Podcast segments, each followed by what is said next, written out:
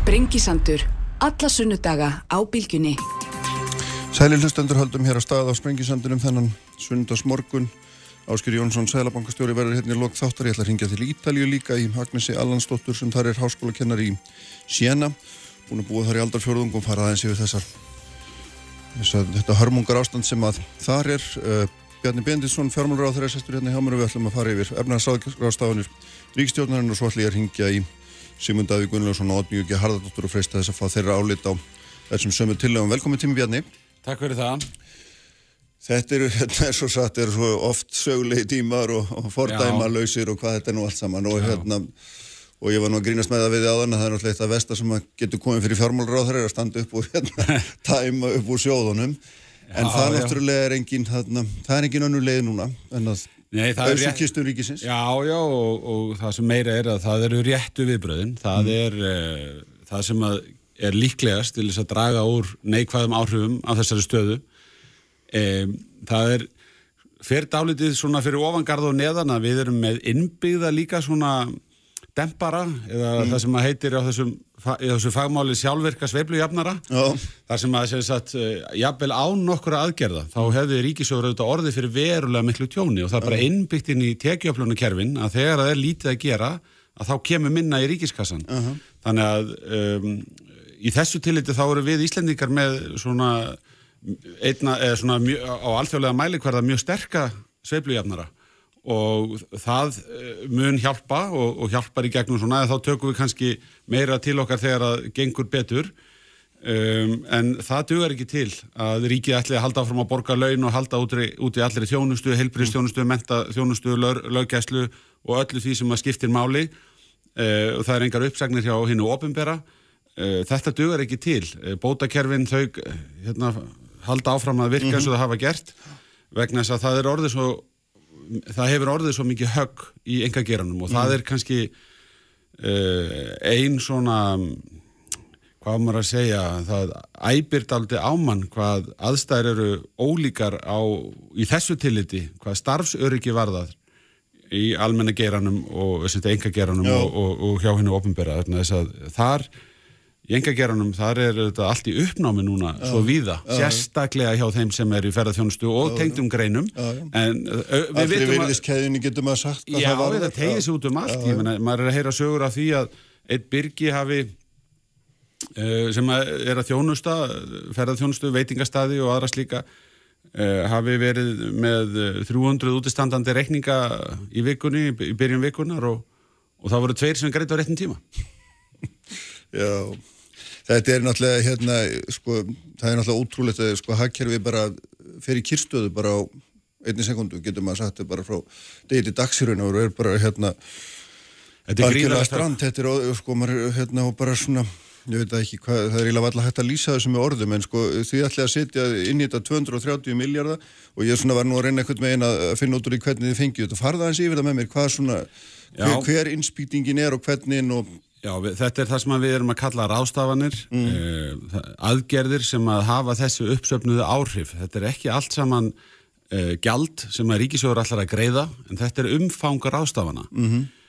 uh, við byrjum kannski bara á því sem að ég held að skipti einna mestumáli akkurat í augnablíkinu sem er þessi hlutastarfa leið, þar sem fyrirtæki geta lækka starfslutfall starfsmanna alveg niður í 25% og þeir halda óbreyttum launum upp að 400 krónum og svo upp undir 700 krónur þá skerðast launin lítilega eh, en, en þar, þar setjum við þakk. Mm -hmm. Við erum að gera ráð fyrir mjög háum fjárhæðum í þetta. Við höfum opnað þetta úrræði núna í 2,5 mánuð og höfum sagt að það kunna þurfa endum þetta það. En þarna syns að ég er að gera ráð fyrir því og við segjum í kynningunni að, að þetta séu rúmur 20 miljardar sem að fara, fara í þetta úrræði og, og það er auðvitað bara reikningur sem að ríki greiðir. Oh. Við erum síðan uh, með aðra stórar aðgerðir eins og frestun á skattgæðislum um, fyrir nokkur um dögum þá kynntu við það að, að menn þurfti ekki að greiða nema helmingin af eh, staðgæðislunni mm. og tryggingagjaldinu núna eh, vegna síðasta gjalddaga. En það var bara til eins mánadar.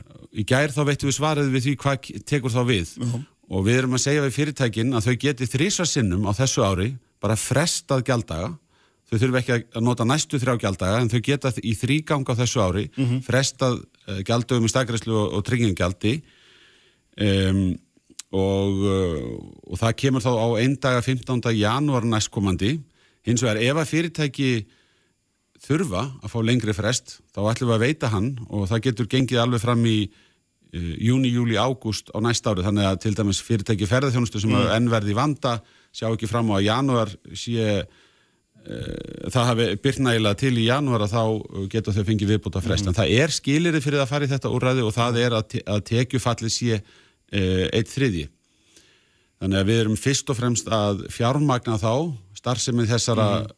þeirra aðila sem að hafa orði fyrir þriðjungs tekjufalli og þetta er aðgerð sem að við segjum að geti aukið lausafjárstöðu fyrirtækja um 75 miljardar á þessu tímabili Nú síðan eru það þessi brúarlán til atvinnulífs og uh, ég vil kannski byrja því að segja varandi lána fyrirgreislu til fyrirtækja að Seðlabankin hefur stíið þessi mjög svo ákveðnu skref nú þegar. Mm -hmm.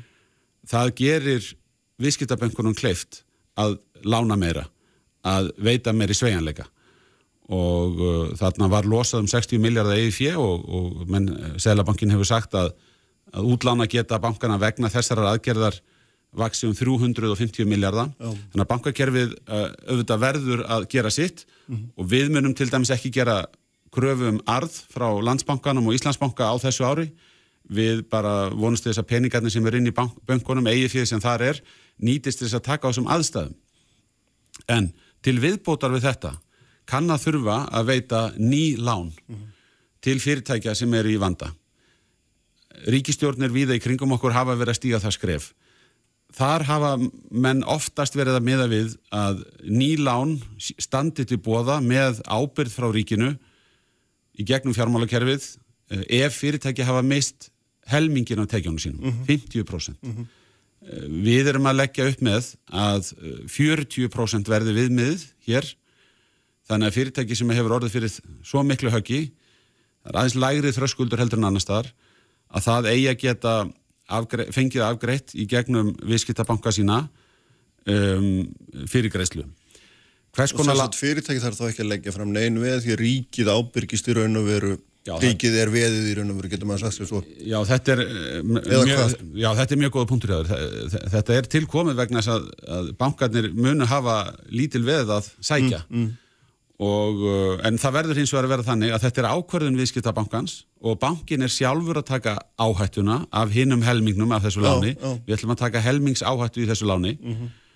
og um, ég meina það er, það er nöðsynlegt að vera alveg skýr með það að fyrirtæki sem hafa verið í rekstravanda undanförnu áður en að þessir atbyrður kom upp á mm -hmm. get ekkert endilátt hérna, vænt, haft nei. væntingar um að þetta úrræði sé að koma þeim til bergar. Við erum að stilla þessu upp fyrir þá sem að lenda í höggi út af uh, þessum áhrifum. Já, þannig að menn þurfa að sína fram á það að þessar aðstæður séu já, raun og veru aðal og kannski eina ástæðan já, fyrir þessu tekjufalli. Akkurat og, og hvers konar lán eru við að tala um? Við erum að tala um lán sem eru fyrst og fremst hugsuð til þess að fyrirtæki geti staðið skilum með laun og uh, staðið skilum við sína byrkja og eftir aðtökum leigugreðslur og við sjáum það þannig að uh, hámarkslán til einstakra aðila verði svona eins og tvöfald, tvöfald, uh, tvöfaldar launagreðslur síðast árs mm -hmm.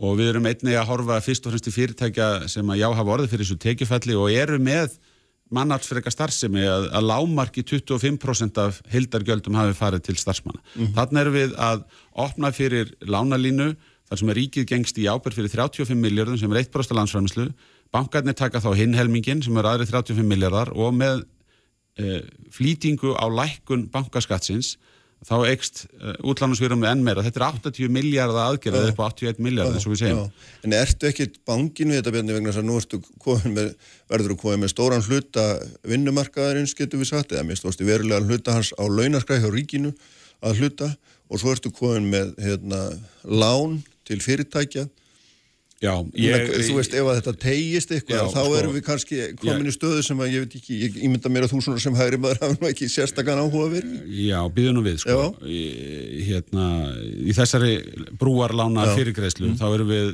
svona, segjum við í skjölunum sem að fara fyrir alþingi núna, eins og við sjáum þetta, við erum að gera ráð fyrir því að helmingurinn jafnvel tapist, það verður þó 17 miljardar högg, við ráðum vel við það mm. eh, við ráðum líka vel við að styðja fyrirtækin eins og við erum að gera í hlutastarfaleðinni og uh, við getum vel fjármagnað frestun skattgærisla höggið vegna frestun af skattgærisla kæmi þá fyrst og fremst ef fyrirtækin geta endanum ekki í staði í skilum uh -huh. en þetta, þetta er allt saman fjárhæðir sem að ríkisjóður uh, ræður við mm. uh, ef að þetta hjálpar já, og það já, er já. það sem ég er miklu hérna svona bangari við sko eða, eða hérna svona smekari við það er að hérna að að uh, þetta drægist á langin. Það mm. er það sem við eigum að hafa ágjör af. Við þurfum ekki á þessu stíi að hafa ágjör af því að ríkisjóður ráði ekki við þessar aðgerðir. Við höfum verið með verulegan afgang á ríkisjóðu á undanförnum árum og við höfum sviðrum til þess að, til þess að hérna, brúa mm. þetta ástand. Mm. Við getum vel gert það og, og, og, og hérna, það skiptir gríðalega miklu máli. Þetta var nú ekki alveg þannig hérna í, í, í bankarhrununu vegna þess að þá sko, þurftu við að fara nýra á hnén til þess að fá fyrirgræslu og, og, og okkur voru bóðinir afarkostir, dollarlán á 5,5% og svo framvegs.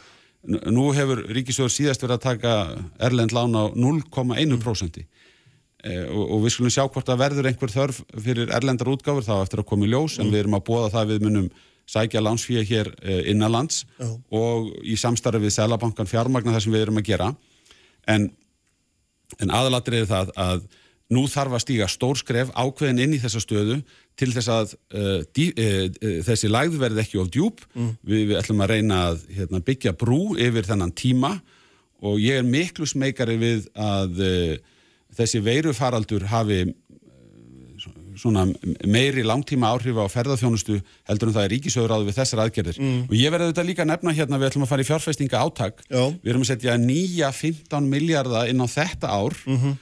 fjárfæstinga sem hefði ekki komið til fyrir en síðar ef allt væri óbreytt uh, við erum að taka það til Skilur þetta aðeins vegna þess að þið eru nýbúin að leggja fram tillögur eh, um þetta stórtaka innvið uppbyggingu sem er minnir að hafa verið 20 miljardar í flíti framkvæmdir Já. Já, hvernig er þetta nýjir 15 miljardar inn í þetta eða er þetta einhverju liti sæma peningarnir? Hvað? Já, það sem við töluðum um fyrir skemstu var það að í aðdraðanda næstu fjármála áallunar mm. þá sæjum við fyrir okkur að rástafa í kringum 60 miljardum að lámarki eh, á næstu þremur árum Já. 2021, 2022 og 2023 Já. það getur verið 25 miljardar á næsta ári svo dæmis í tekið mm -hmm. En þetta stendur alveg fyrir utan þau áform okkar uh -huh. og, og þau áform standa gagvart framtíðinni. Núna erum við að tala um 2020, við erum að tala um nýja 15 miljardar í útgjöld á þessu ári, uh -huh. í samgöngur, í uh, rannsóknir, bæði grunnrannsóknir og hagnýta rannsóknir, -huh. í menningu, uh, íþróttastarf og síðast er ekki síst, þá ætlum við að fara í átaki upplýsingakerfum að spýta í lóana varðandi átækið e, Stafrænt Ísland og, og, og hérna, fjárfesta í nýjum lausnum fyrir heilbyrðiskerfið þannig að við tökum okkur til gags e, nýjustu tækni og lausnir til þess að veita betri heilbyrðistjónustu. E, þetta skiptir gríðilega miklu máli og, og mun skapa fjöldan allan á störfum sem eru þetta hugmyndin. Við vorum að reyna að forgámsraði þá verkefna þar sem að fólk myndi fá starf og við verum að auka arðsemi Eh, af öllu því sem við erum að fast við. Mm -hmm. Sko þegar maður hugsa aðeins tilbaka þá höfum við þá erum við vitum við það að við erum með gríðalega vel hérna, fjármagnað banka og mjög, þeir eru með mjög hátt eigi fyrir og þeir hafa nú gerðan kvarta mikið yfir lína er nú kannski eins gott núna að, hérna, að þetta sé nú svona ríkulegt hérna margir þeir sem eru áttursaknir hafa nú gerðan vilja minka það mjög mikið. Og, og hérna kemur ekki til greina í vegna þessara stöðu að, að sko afskrifa skuldir á fyrirtæki í staðin fyrir að fara þessa þessa lánalið vegna sem maður ímynda sér að það geti einfallega verið bara frestun á, á stöðu ef hún tegist áfram. Ég eh, gerir ráð fyrir því að það verði eitthvað um það. Ég skal ekki fullera hvernig úr því spilast í gegnum fjármálakerfið en það fer auðvitað eftir umfangi og stöðu hvers fyrirtækis. Eh, Svo aðgerð eh, mun öruglega líka taka tillit til margra annar þátt eins og bakhjarla viðkomandi fyrirtækja mm. og svo framvegs auðvitað horfa menn til þess að eh, ef menn eru með sterkar bakhjarla í rekstri að þeir stýðja við sín fyrirtæki já. áður en að, og sérstaklega áður en að farið að nota fyrir almennings til þess að hjálpa já. Eh, þannig að eh, á þessari stundu er ekki verið að koma fram með einhver afskriftar einhver afskriftar áallun mm -hmm. þó ég geti bara ekkert spáð fyrir um það hvort að það verði eitthvað um það í fjármálakerfun, það verður bara komið ljós Já. en við erum ekki að tala um, um það í, í þessum aðgerða, þessar aðgerða áallun okkar þó við gerum ráð fyrir því að með því að veita ríkisábyrði vegna nýra lána þá kunni eitthvað af þeim á endanum ekki að tapast en það myndi ég ekki kalla afskriftir heldur einfallega að fyrirtæki hafi þá ekki mm. á endanum uh, komist í gegn, gegn tímabili. Akkurat sko, því ætlið að lækka bankaskattin eða lækkan, lækkan hraðar en því áætluðus en þremur árum hraðar og ég lesi þetta rétt. Og, og hérna og að því að það hefur nú því hefur verið haldið fram margsinnes að fjármálakerfinu að þessi bankaskattur væri svo íþingjandi fyrir viðskiptavinna og vil ákvæða að vita hvernig vitum við viðskiptavinnir, þú og ég bara Já. að þessi lækku nýtist okkur Að því að væntalega ætti hún að gera það ef hérna, ég, ég, ef það er eitthvað samræmi í Já, ég er í raun og verið bara með mjög einfaldan álgun á þetta. Við erum mm. hér að horfa á fjármálafyrirtæki sem að Sælabankin segir að þurfis meira súrefni. Mm. Þess vegna fellir Sælabankin niður þennan sveiflujöfnur auka og segir notið þessar eignir sem þeir eru með til þess að stunda þessa starfsemi í þáu samfélagsins. Eh, þeir hafa verið svolítið í svona taumurinn hefur verið aldrei strektur á þeim Já. á meðan að hér var mikill hagvöxtur en nú er aðeins verið að gefa lausari taumin mm. þannig að þeir geti farið hraðar yfir og uh, Sælabankin er semst að, að hérna, hvetja bankana til þess að nýta peningana við erum að segja, við ætlum ekki á þessum tíma að taka út peninga mm. og ég hérna bara ætlast til þess að eigandur banka séu ekki að leysa til sín fjármunni á sama tíma og stjórnvöld er að koma með risaaðgerðir mm. til þess að, að peningarnir flæði þanga sem þeir eru mest þörf. Nú við þessar aðstæður finnst mér bara einfallega ránt að við séum með sértækan skatt á fjármálastarfsemu mm. og tökum baktiramegin út peninga með skatti. Mm -hmm. Þetta er bara svona sem ég horfið á þetta. Sko. Já, já, já. En hvernig tryggjum við að þessi, þessi lækkun skattsins komi til góða viðskiptavinnum eins og hérna hefur verið haldið sérstaklega fram að hann, hann íþyngdiðing?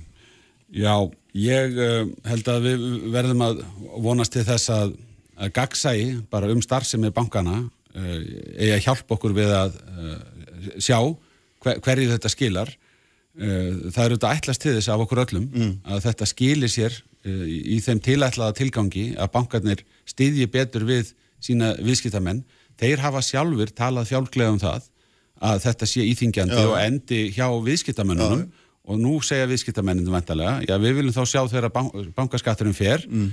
að það endi hjá okkur um, annars er raun og veru mitt í þessari krísu sem að veru stödd uh, magnað að, að hérna, sjá hvað vextir eru komnið langt niður ef við setjum þetta bara svona í sögulegt samengi og, og hérna, horfum til þess hvaða vextir hafa leið bara all, all, allt okkar æfi skeið þá eru við komið langlegstu vexti sem við nokkur sinni séð og við erum að vonast þess að það miðlist vel út í kerfið mm. og, og gagnist heimilónum og fyrirtækjum. Mm. Allt er þetta auðvitað á endanum hugsað til þess að eh, eins og ég sagði ekki að er bara létta áhugjum af fólki. Já.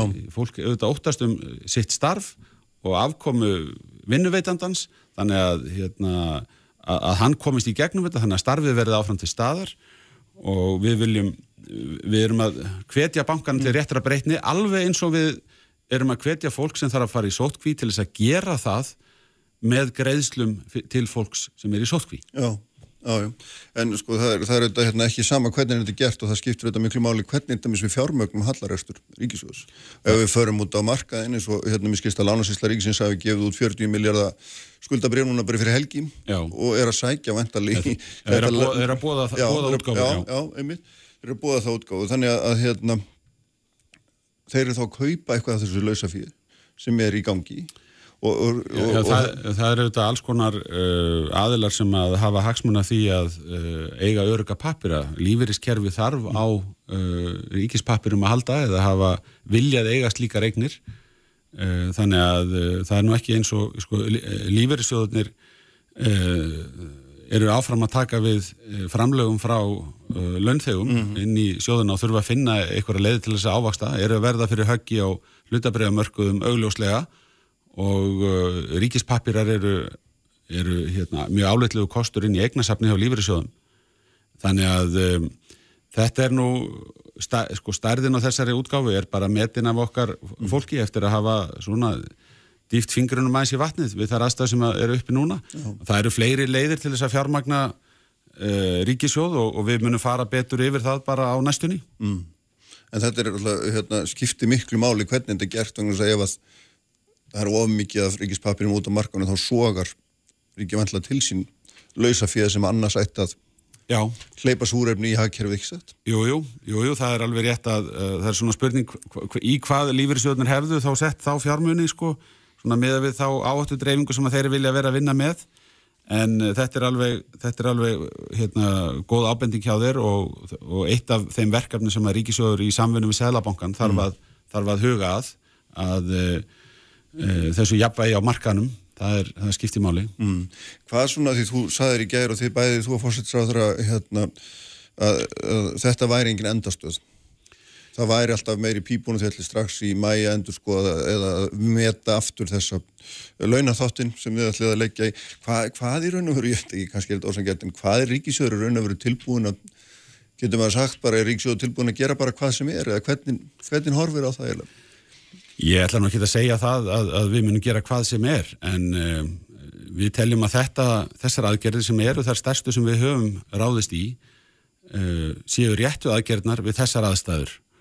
Ég er uh, búin að koma því vel til skil að vona ég mm. að það er það er skinsanlegt við þessar aðstæður að sína fram á það með markvisum viðbröðum strax að við ætlum að mæta þessum vanda. Mm og uh, ég mun ekki sirkja það þó við hefum eitthvað stað stíð of langt og, og teki af því eitthvað kostnað vegna þess að viðbrast leysi eða það að gera of lítið mm.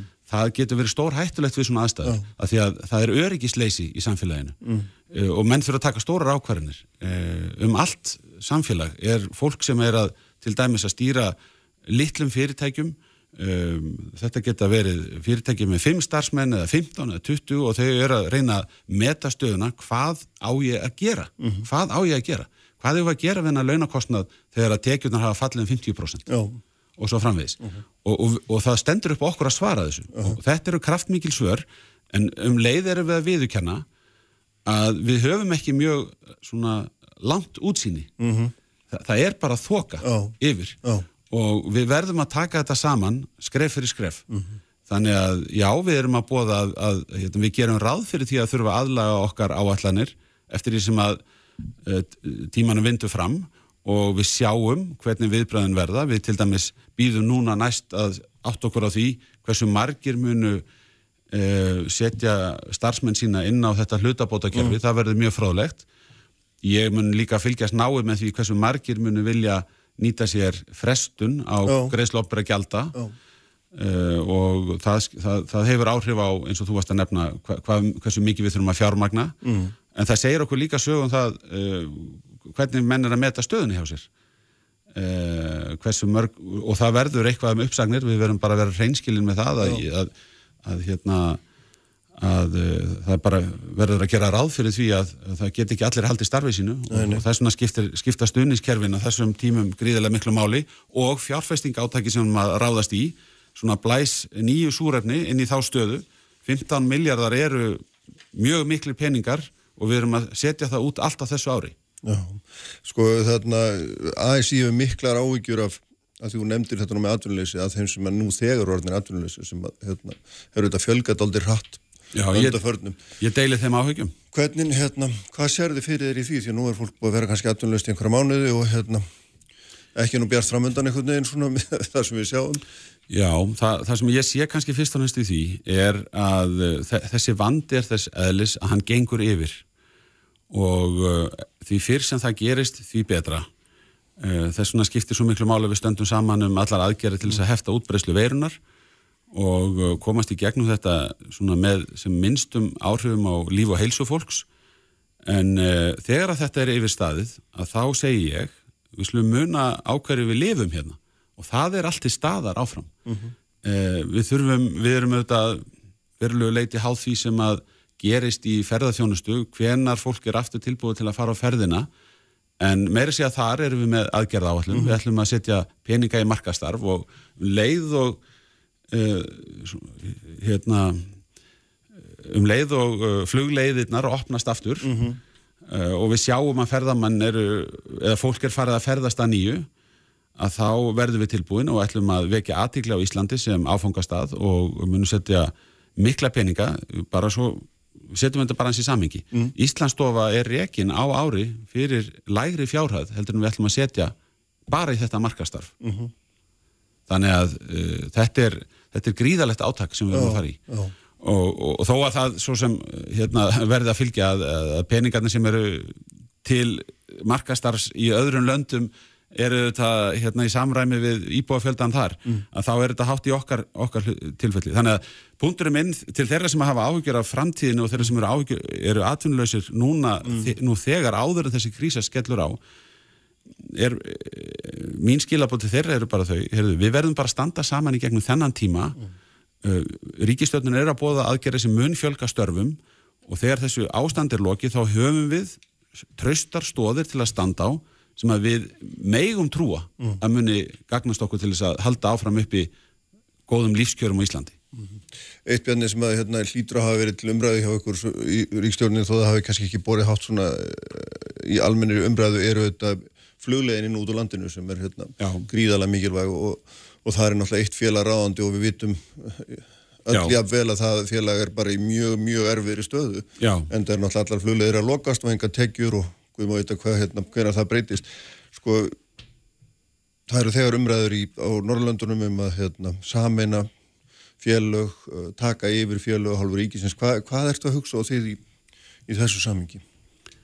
Já, Æslandi er, er uh, ef ekki mikilvægast að félag okkar Íslandinga, mm.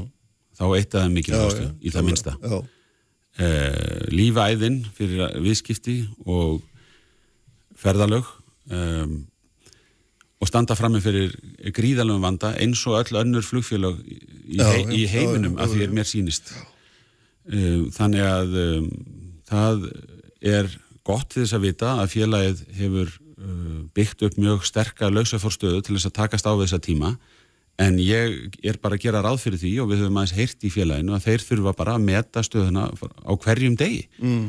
og uh, það sem að ég myndi bara vilja segja því að maður fær reglulega þessu spurningu hvað við erum að hugsa.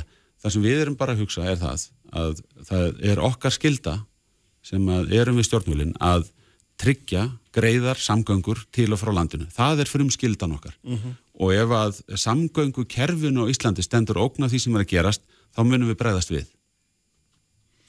Þetta svar myndi ég tólka þannig að það var sagt, alveg upp í, alveg í kortunum að hérna, styðja fjallaði með einhverjum hættur ríkisjóðum kaupið hlut?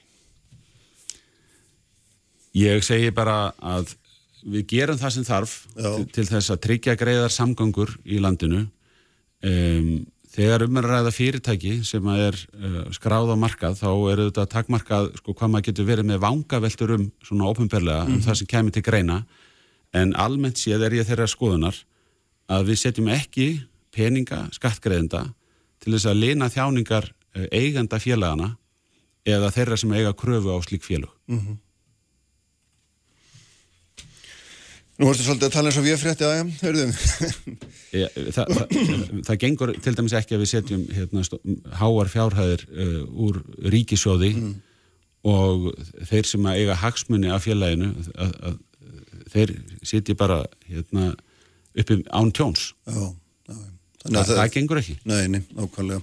Nákvæmlega. Hérna, ég held við séum búin að dekka þetta ágitlega en svona bara, hérna, að þú reynir, ég veit, þú saður að vera í þoka en ég nú samt að við að rýna þess inn í þokuna. Já, ég var að hugsa sko að, hérna, ég var að hugsa að, er ekki bara ár síðan ég var á fundi hjá viðskiptaráðu og þeir voru að tala um svona það þegar að veri lítið, þegar að veri lítið skigni hjá stjórnandum, hvernig þeir ætti að breyðast við. Jú, jú. Þeir vissi ekkert hvað að voru að tala, þeir vissi ekki hvað að framönda. Nei, nei, það er vist alveg ljóst, sko. það er alveg ljóst, heldur, heldur við botnin? Hann er ekki komin. Er ekki komin. Ég er alveg viss um það. Um, það eru þessar vikur sem eru framhundan sem verða erfiðastar. Mm. Og um,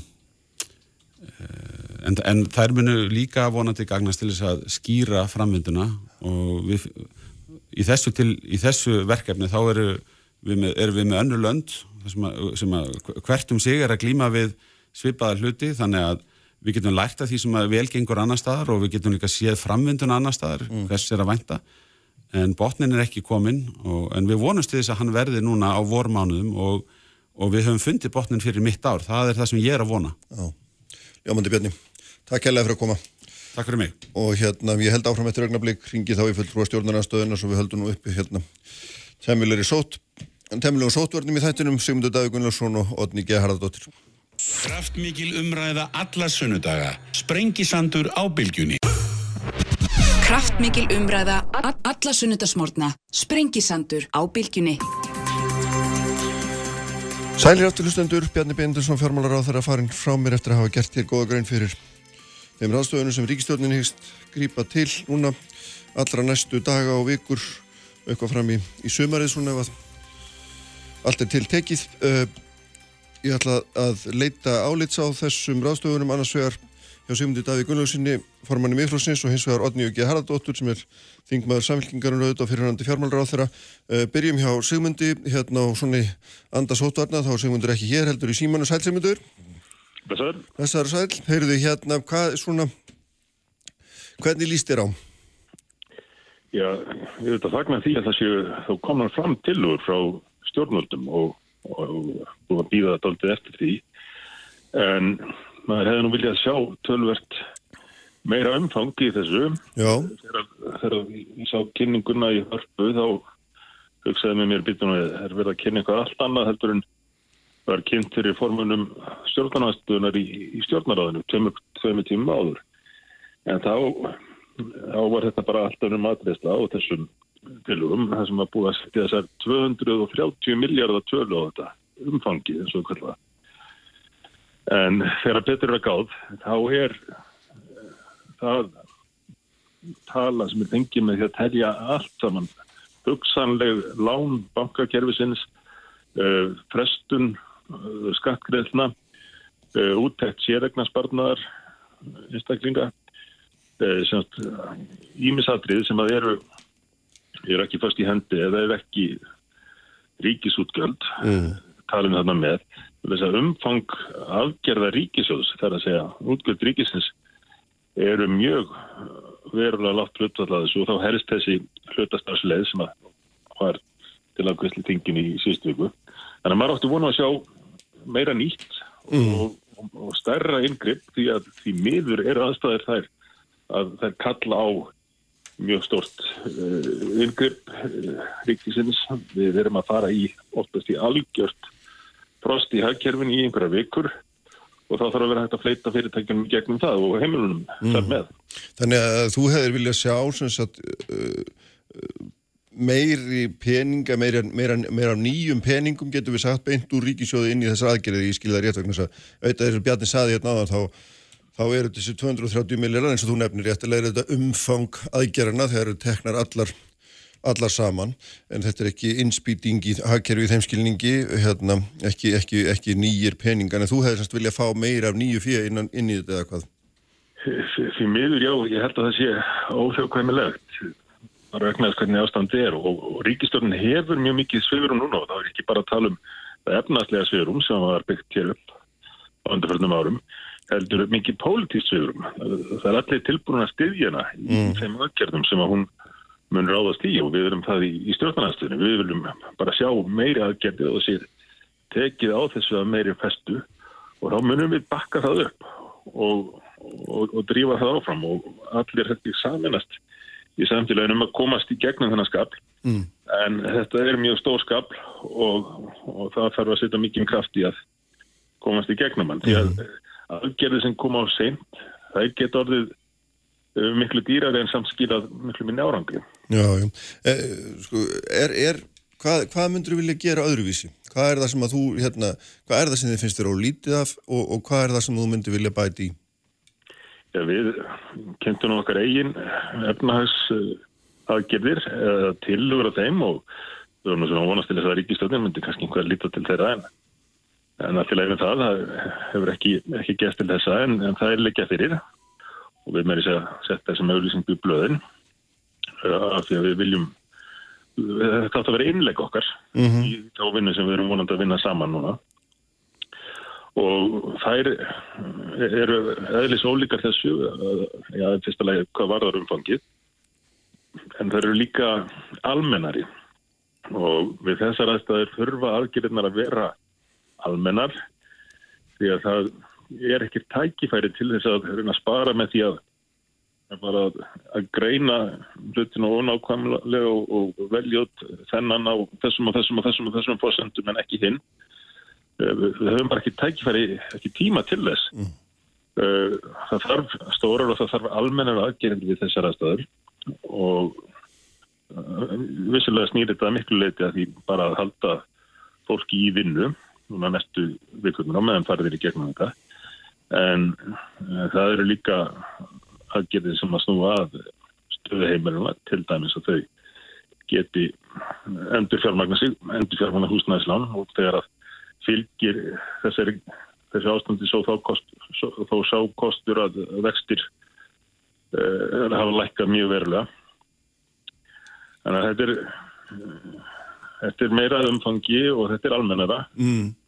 svo, svo ég látið bara þar við sitja í bíli að ég vil ekkit vera að nýta sérstaklega í tillugu stjórnarinnar eða einstu katriði þar en það þurfa að vera starri og það þurfa að vera almennari. Já, getur þú nefnt einhverja svona almennari vegna þess að nú er búið að lækka vexti, það er búið að hérna, auka lausafjögi umferð, svo hérna tögum og hundruðum miljardaskiptir, það er búið að greiða fyrir því að hægt sé að lána fyrirtækjum með almennum hætti að við þurfa að sína fram að það hafa orðið fyrir tekifalli vegna, vegna þessa ástands nákvæmlega en ekki bara svona almennum ástöðum. Men hva, hvað er það nákvæmlega sem þú svona, ert að, ert að tala um þegar þú talar um almennir aðgerir? Ég, ég tökum þetta síðast að það verðist byggjast á því að, að ríkið ætla að koma til móts við uh, bankana og þá um leið fyrirtæki þegar að bankin er tilbúin til þess að lána uh, einhverju fyrirtæki. Til þess að ríkið ætla þá að ábyrgjast helmingin af, af framlengingu bankans á, á, á láni eða viðbóta láni, betra sagt. Uh, og bank, þá bankans þetta með þetta greina fyrirtækin og, og færi getna þetta allt saman. Uh, hættan við þetta er svo að bankar sjáu sér einfallega fekkar hægu því að taka fyrirtæki yfir heldur en að fara að bæta við lán til þeirra þá þeir fái einhverja fyrirgræslu frá ríkinu uh, hvað, hvað það var þar bankanir tækir frekar yfir fyrirtæki í stórum stíl uh, og svo þegar við erum komin í gegnum þetta allt saman seljuðu þó aftur. Ég er ekki að segja að bankarnir muni gera þetta en, en aðferði ríkistjórnarinn treystir á það að bankakerfið muni eh, verja almanahagsmunni í þessu og, og vera svona í, í þjónustu hlutverki fyrir samfélagið Mm. Uh, með ríkinu.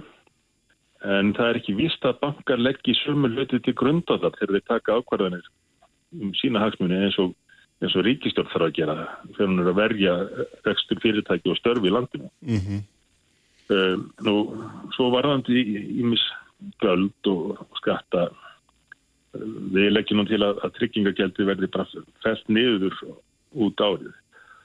Og við raunin á vissan hátt snúið við með því að fyrirtæki sem hafa verið að greiða verðilegt tryggingagjald fái þá núna stuðning tilbaka, það er undar búið að stíga ákveðin skref í því núna í, í vikunni. Mm. og ég, ég fagna því að það skulle hafa gengið svona vel í þinginu. En, en það mun þurfa einfallega beinan fjárhastlegan stuðning við fyrirtæki og við sjáum hvað stjórnvöld er að ganga langt í öðrum landum ég, tók eftir því að spurðir fjármálar á þeirra náðan hvort að menn væri til í að gera hvað sem er og þannig svo sem hann ekki tilbúin að gangast í því en eins og í Breitlandi það er einfallega segir fjármálar á þeirra og fórstur á þeirra Mm. við gerum hvað sem er hvað sem það kostar ekkert hámark við munum gera hvað sem þarf til þess að ná uh, samfélaginu og fyrirtækjum heimilunum í gegnum þetta Mhm. og það þarf eiginlega að vera við fór stjórnvalda við þessar aðstæður þó að ég hefi undanfærin ár verið að tala gegn bákninu og, og fennst í ríkisrekstri að þetta eru algjörlega einstakar aðstæður sem að kalla á, á verulegt rí- ríkisingripp. Þessum betur fyrir höfum við þetta náði vegna þess að við mm. reyðast í mjög verulegar stóra rækjadir fyrir fánum árum síðan og, ríkisjóðu stendur vel. Já, já, það, það er auðvitað alveg hárið en hann er náttúrulega ekki takmarkar lausand sem áður og, og þarna og, og, og, og svo er það auðvitað líka þetta sem ég var að reyna að ræða í fjármálar á, áðan og bent eða sem var að spyrja um var að auðvitað er þetta líka svona eh, það lítur að vera ringja okkur við hann bjöllum ef að stór hluti vinnumarkaðarins er komin á laun hjá ríkinu eða einhverjum stórum hluta eða, eða helmingi jafnvel. Og, fyrirtæki eru með lánafyrirgræslu sem að ríkið er er að ábyrgjast og það sé ekki eins og hann bendir réttilega á kannski ekki reysa fjárhæðir en þetta er svona, Já, já, og það verður heilmikið verkefni að vinda ofan að því uh, þegar, að, þegar við erum komin í gegnum þetta. En, en það ánum samt að, að geta gengið vel en hins vegar þeiminn betur um, þeiminn almennari sem aðgerðunar eru. Þá er svo að segja eitt látið yfir alla ganga að minnst að kosti alla í, í sambarilegri aðstöðu. Og þú færði ekki upp endalisa spurningar um hvort að það hafi farið, farið verð með þennan en, en hinn og hann ekki hlotið sumu fyrirgreðslu og, mm. og gertur ráð fyrir að minn fengi og svo framins.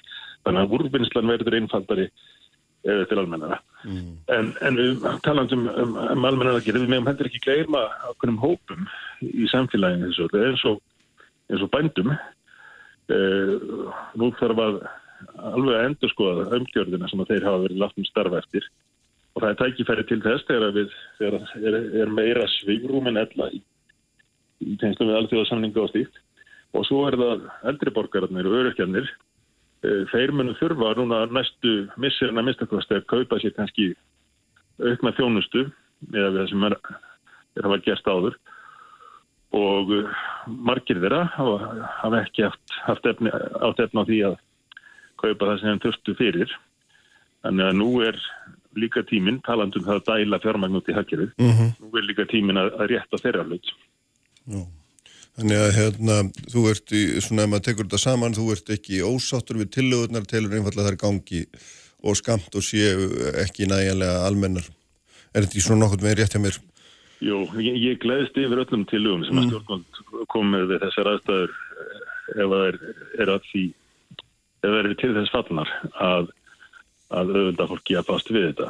Ég er bara áttast að, hafa fylst, eftir að hafa fylst með þessari þróun að við séum mjög verulegri hættu að missa ernaðist í við að ég er ekki bara að tala um á Íslandi, heldur almennt, að missa það í heimskreppu ef það er ekki greipið inn í, mm. í tækatíð og við sjáum að stjórnvald viða erlendis gera sér grein fyrir þessu og eru að er að opna eh, kisturnar þar herslur ríkisjóðana og verðast tilbúin til að, að gera eins og breski fjölmur á fyrir norðaða hvað sem þarf mm. til þess að að bregðast við. Við þurfum að gera það líka og sem betur fyrir við í betri aðstöðu til þess en margir aðrir. Ljómandi, takk fyrir þetta Simundur. Takk og hérna við ætlum að ringja núna uh, já, sögðum við sjó það er Odníki Harðardóttir heyrim henni eftir augnablökk Frettir þjóðmál og pólitík. Sprengisandur á bylgjunni. Uppspretta frétta á Sprengisandi á bylgjunni.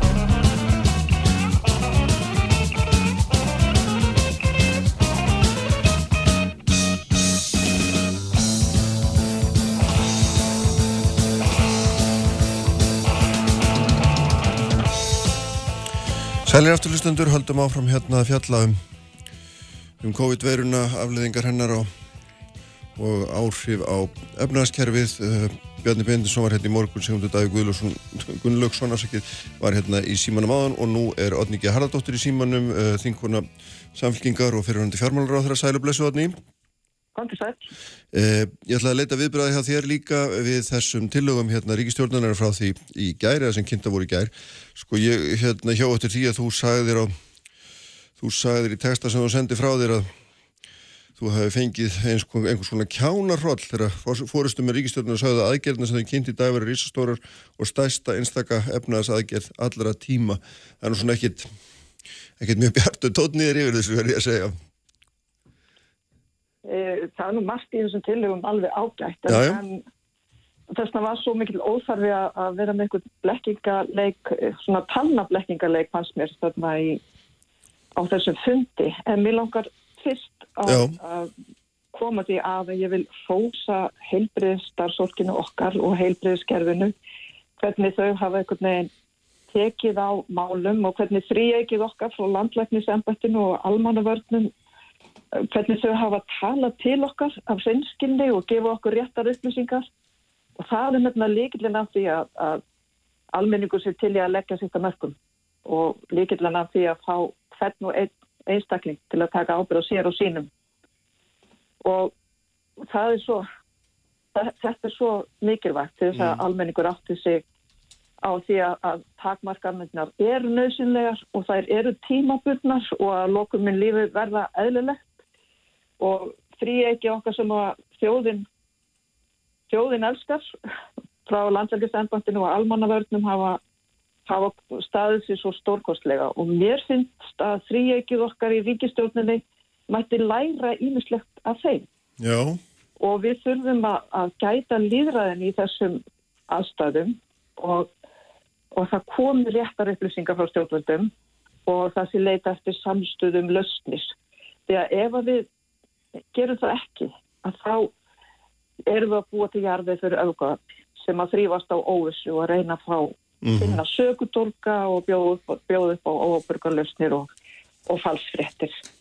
Þannig að það var svona þetta var eitthvað svona upplýsingar óreiða sem kom hann fram e, á í, í hvað ert að vísa þá nákvæmlega? Það, fannst þér heldar upp aðeins kynnt með einhverjum óðurlum hætti eða hvað, hvað nákvæmlega, hvert, hvert, Já, er þetta? að, að, þú veist bara þessi, þessi stóru orð, Mm, um 230 miljardar og, og stæðsta aðgerð bara í Íslandsögunni, það er náttúrulega bara ekki rétt og við þurfum ekkit að, að eigða orku og tíma í að, að leiðrétta svona. Heldur er bara árangusríkast við fáum bara, bara réttar upplýsingar og það er svona verið að vinda ofan af þessu í, í dag, þessum blaðamannafundi og það verður að enda með því að, að, þetta sest allt saman. En mér langar til að tala um uh, líka hluta aðilesinsbæturna sem, Mm. mm. sem að þingið er búið að samþykja og, og náðust um góð sátt í, í þinginu. Hún, þetta skiptir mjög miklu máli og þetta skiptir máli fyrir uh, fyrirtæki sem eru með einhverja starfsefni. En það sem að við þurfum að bæta við er að huga að fyrirtækjunum sem er ekki með neina starfsemi og, og, og fólkinu sem er á, á strípuðum aðilveisisbótum. Og ef ég horfi hér á mitt svæði til Reykjanesbæjar þar sem að aðilveysi er nú þegar orðið 11% mm og margir þeirra hafa verið aðunleysi í nokkra vikur og munu fljótlega dettin og strípaðar aðunleysisbætur sem eru núna rétt hæpar 290.000 krónur á mánuði. Og lámaslaunin, ef við skoðum samning eflingar, uh, verða 1. apríl 335.000 krónur. Það munar þarna uh, rúmum 45.000 krónum á strípaðum aðunleysisbótum og lámaslaunum og við verðum að hækka uh, aðinleysisbætunar og við verðum að huga heimilu þessa fólks uh, um leið og við hugum, hugum að rekstri fyrirtækja. Heimilin þurfa líka að reyka sig Mm. og, við, og það vantar inn í uh, úrræðin núna allavega og ég vona vegum eftir, eftir að sjá hækkaður aðinleysisbætur og, og úrræði fyrir rekstur heimila. Mm. En flest, flest fólk vinnur náttúrulega hjá fyrirtækjum þannig að maður getur svona horta á þetta þannig að þetta er einhver keðja ef fyrirtækinu gengur þólanlega þá getur það áfram greitt laun og haft, fólki vinnu ekki satt. Jú, ég endur ég að segja að hluta aðlöfsbætunar eru mjög góðar. Ég er Já. að tala um fyrirtæki sem er bara í algjöru frosti Já, og akkurat. fólki er bara komið á atvinnleysi, Já. leysiskrá er ekki neinum og, og vinnu sambandið er, er sliti. Og, og það er því miður, fer því miðurvaksandi og ég nefni dæmi um Reykjanesbæ þar sem að atvinnleysi er nú þegar orðið 11%. Þannig að þetta er vandi sem við megum ekki gleyma uh, en það sem að ríkisjóðan hefur verið að gera beinist að tímaböðnu vanda. Það er sem sagt það sem að með leysast eftir nokkrar vikur. Það hefur verið að halda fyrirtækjunum gangandi og vinnusambandinu við starfsmenn og það er mjög gott. Mm En við verðum að huga að stöðunni til lengri tíma og fyrirtækjunum sem er í algjöru frosti. Og þá, og af því að herðaþjónustan er svona stór hluti af, af okkar vinnumarkaði og stendur undir svo stórum hluta af landsframleyslu okkar að þá eru við í sérstaklega miklu vanda. Og ferðarþjónustan er hrunin út um allan heim. Það er nánast engin starfsemi og hún mun ekki taka við sér og fólk mun ekki drífa sér í fer- ferðafötin bara um leið og faraldurinn er gengin yfir. Við verðum allavega að gera í okkar áallunum ráð fyrir því að þetta þurfi að beina aðgerðum sérstaklega að ferðarþjónustunni. Og ef, og ef ég mætti ráða þá myndi ég vilja að við horfum sérstaklega á hótel og, og gistiheimili uh, láta þau ekki fara í þrótt í stólum, stórum stíl heldur uh, beina ríkisaðstóð að þeim uh, til lengri tíma og meðan að kreppan í ferðarþjónustunni er að, er að ganga yfir. En myndur þá vilja sjá að það er því gert beint í gegnum ríki eða þá í gegnum fjármálakerfi því nú náttúrulega er markmiðið það að fyrirtæki sem að verða fyrir miklu tekifalli þau geti farið í í sinn viðskiptabanka og fengi fyrirgreyslu og þá að hluta til með ábyrð ríkisins á því viðbúta fjármagnir sem það þurfa að halda í sinn rekstur. Er þetta að tala, um, tala fyrir því að ríkið einhvern veginn komið beint inn í tilteknar atvinnugreinar eða hvað, hvað hérna? Já, ég, sko, öðru brúalánin, þau eru ágætt og mér líst vel á þau og einhverju muni geta nýta sér það, nýtt sér það. En ég held að við þurfum með, með einhverjum hætti, annarkost auk, aukinni ríkisábyrðu eða beinum ríkistyrkjum til þessara geira ef við ætlum að sjá til þess að, hótelin og gistiheimilin verði bara uh, tilbúin til þess að taka við fólkið ykkur tíman, kannski að þar næsta sumar uh, og að við látum þau ekki fara í þrótt og ég held að Íslenska ríkið eigi hafa samband við ESA og, og byggja um undanþáu frá ríkistyrkja reglunum mm -hmm. og þeir hafa nú reynda að gefa það út af sinni heimasíðu að þeir séu tilbúni til þess og, og bara býð eftir því að, að, að Íslendingar, normenn og, og svisslendingar hafi samband og nefna sérstaklega ferðarþjónustuna. Þannig ég held að til lengri tíma þurfum við að gera þetta. Mm. Er, en þessi, þessar fyrstu aðgerðunum greiðslu fresti á staðgreiðslu og tryggingagjaldi er bara fínast og döga vel þeim sem er í tímabindinu vanda en svo þegar kemur að greiðslunni sem þú mátt ekki fresta eða að, að, að einn daga 15. janúar 2021 mm. þá er ég fættum að, að þeim fjölgi fyrirtækjuna sem að sem að geta ekki staðið í skilum og þá verður við að vera mm. tilbúið með, með aðgerðið. Reynda saðan og fjármálráður náðan að hann var til í að og, og þau að, hérna, að heimila síðan aðra frestunum halda ár fram á fram á það vantlaði með júni, 15. júni 2021 og þá er þetta nú orðin átjón mánuðin ánast sem að hérna, já, já. þessi frestur En- þannig að ég- já, en þú, þú ég- bara, sagt, ef ég skildi rétt að því, þú, þú svona, telur það óvarlegt að, treysta því að hérna, fyrirtæki verði komin í gegnum þetta þá Ég held að við verðum að teikna þess, upp þessa sviðsmynd og hugsa út í það hvað við munum gera ef að hótel og gistiheimili eh, eru í stórum stýra að fara á hausinn. mm. Það er bara, það, það er bara raunveruleiki, við verðum bara að átt okkur á því og, og síðan auðvitað í framhaldinu að renna, vinna því að renna fleiri stóðum undir uh, atvinnulífið. Því að við sjáum það í þessari kreppu hversu heilbriðskerfið er mikilvægt og hversu mikilvægt það er að vera ekki með einslegt uh, atvinnulíf eins og við erum með. Við erum með þetta sérstaklega uh, viðkvæm fyrir veirunni út af ferðarþjónustunni. Mm. Hefur þið viljað sjá meiri, hefur þið viljað sjá svona, hvað maður að segja, meira fyrir beint úr ríkisjóði í þessar aðgerðir, er, er það þar sem að þú ert svona að lýsa eftir eða?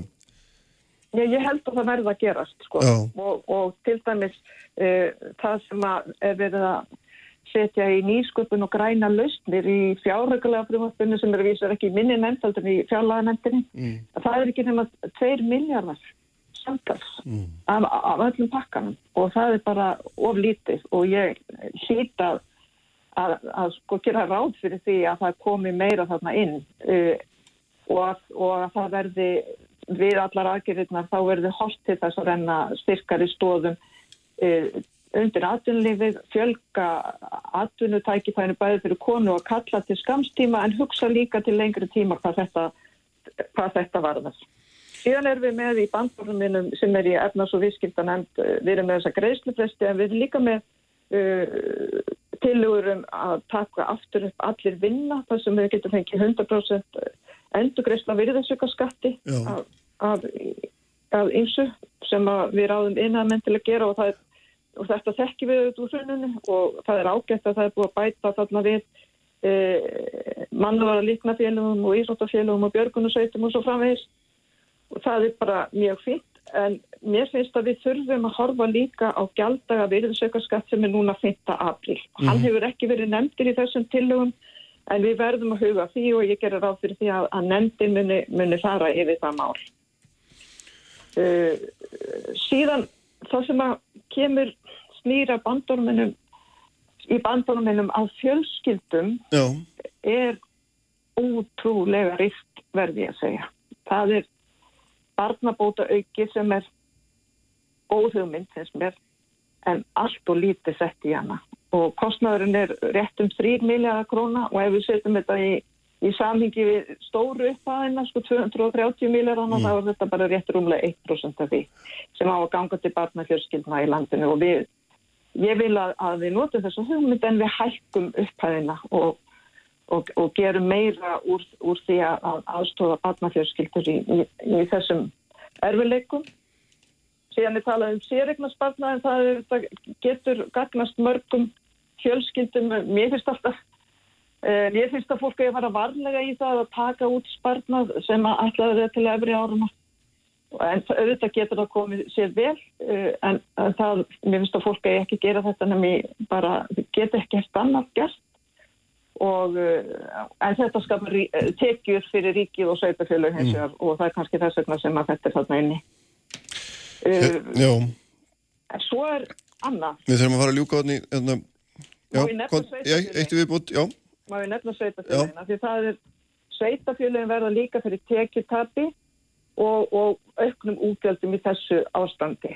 Og í bandorminum er verið að tala um sem sagt uh, að færa eða fresta greiðslu fastegna gælda fyrir fyrirtæki og það er ágælt en það þarf líka að huga að heimilunum hvað þetta var sem þurfa líka að standa undir fastegna gældum og, og húsalegu bótum og þetta er það sem að snýra sveitafélugunum og við verðum að gæta því að þau geti fungera því að þau sjá auðvitað um nærþjónustuna, um leikskólan, um, um grunnskólan og þjónusti við aldraða og, og svo framvegis og það þarf að huga því stjórnsýslustígi líka í þessum hremmingum. En annars, eh, bara í stuttumáli, margar af þessum aðgerðum eru góðar en þær, þær eru ekki nægilegar. Og auðvitað vil ég að það gerður, gerðar kröfu til fyrirtækja sem að fá aðstof og til bankana að þau greiði sér ekki út arð eða sérstakar bónusgreislur á meðan við göngum í gegnum þessar hremmingar og það sýnir samfélagslega ábyrg. Ljómandóðni, höfum þetta loka orðin Takk fyrir að vera með okkur í dag. Takk fyrir. uh, Við ætlum að ringja núna enn og aftur.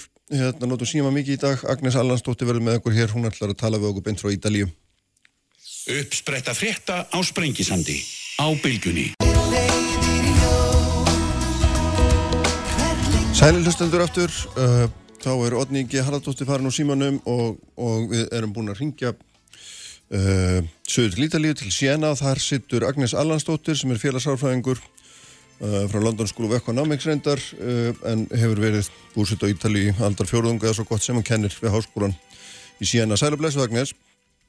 Já, sæl Kristján.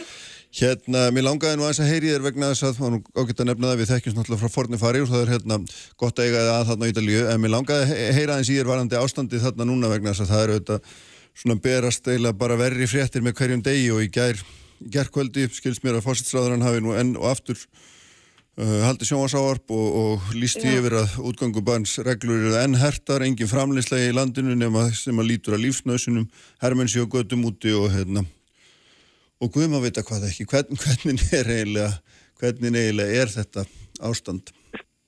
Sko, ástandið er reynum að vera bara þingra en tárum tak Mm.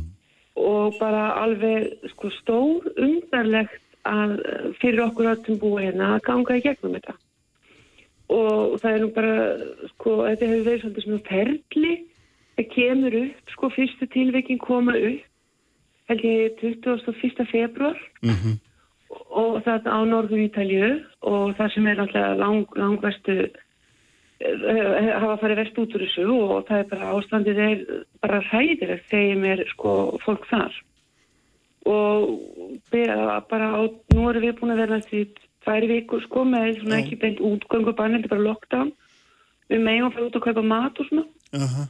og, og hérna þetta hefur verið alveg sko mjög sérstökur reynsla fyrir þjóðinu og nú viljast bara aðra þjóðir vera að lenda í sömu aðstöðu og þetta er alltaf stórt land. Ítalir eru 60 miljónir og, og hérna þetta var bara byrja, þetta var byrjaði bara með því að þetta var verið að byrja fólk um að, að vera heima Já.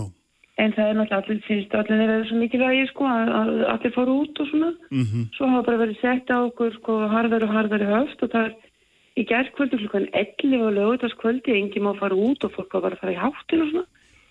Og, og hérna þá held fórsættir að þeirra ávarp og já og nú er landi bara stopp. Mhm.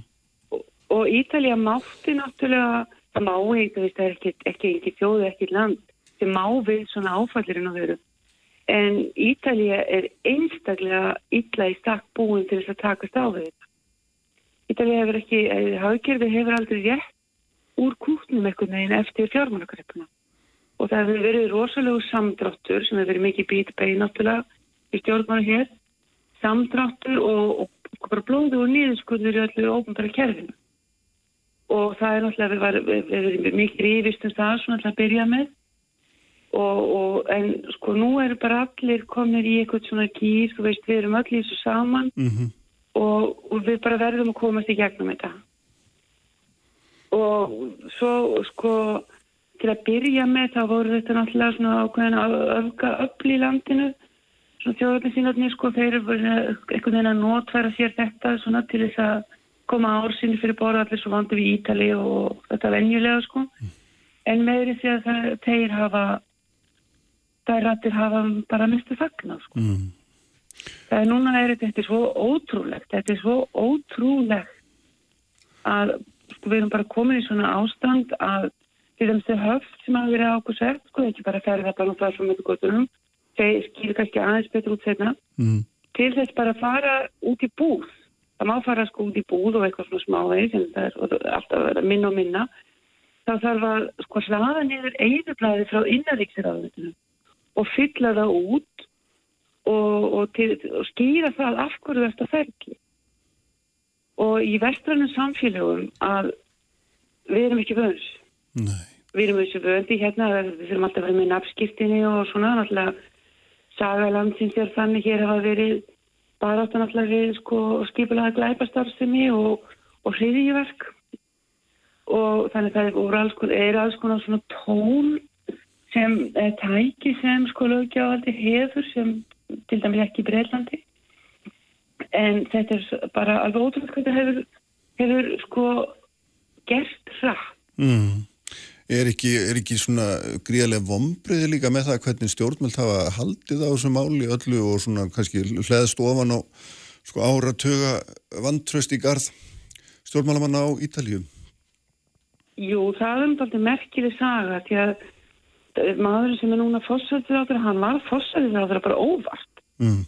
eftir síðustu kostninga sko og svo var skip, vísu skipta aðeins um, sem var ekki kostninga, það var skipta stjórn og hann er, er þarna ennþá og, og nú er hann allt í ennum sko orðin bara dáður og dyrkar, fólk heldur bara í þetta er svo miklu óvissu tímar og það er svo mikið öryggisleiti að fólk bara sko held, hvað maður að segja, það er bara við verðum að treystunum, eins og fólk segir sko. Mm og en, en hérna það nú sko hérna á Ítalíu þá er náttúrulega sko það er svo mikil munur á suður og norður Ítalíu bara sko miklu meiri fátakt fyrir sunnan á meðan norður Ítalíu og langbarðaland sérstaklega sem er að koma svo svona hræðilega út úr þessu.